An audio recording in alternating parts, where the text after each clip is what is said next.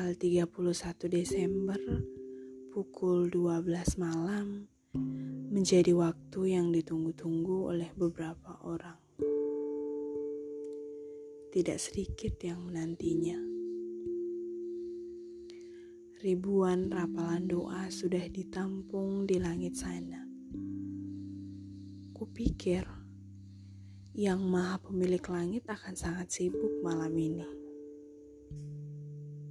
dia akan sangat sibuk membaca doa-doa dari dua buah tangan yang tengah meminta di bumi. Mungkin saja harapan dan penyesalan sedang beradu hebat di kepala kita.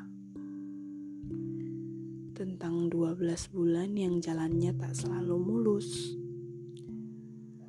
tentang 365 hari yang maunya kita begini, namun pada akhirnya yang terjadi malah seperti ini. Dan juga tentang 8760 jam yang sudah kita habiskan untuk mempersiapkan diri untuk sebuah pencapaian di puncak bahagia sampai-sampai kita lupa untuk mempersiapkan sebagian dari diri kita, cara untuk menerima kenyataan ketika kenyataan tersebut tak sesuai harapan. Bagaimana tidak, kecewa menjadi begitu besar jika demikian. Sebuah akhir tahun rasanya menjadikan kita seorang ahli matematika dalam semalam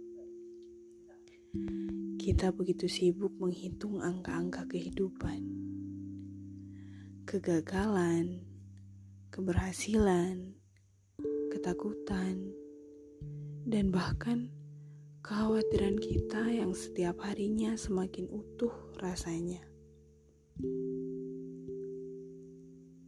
Semoga, iya. Kata semoga menjadi kata yang paling populer di penghujung tahun. Benar bukan? Mari peluk diri kita masing-masing, lalu katakan, "Terima kasih, diri, sudah bertahan sampai sejauh ini. Yang kuat, jaga kesehatan. Dunia sedang tidak baik-baik saja." Lalu mari sama-sama berdoa. Semoga di tahun berikutnya bahagia selalu memeluk kita. Karena kita sama-sama tahu pelajaran paling berharga itu adalah perjalanan waktu.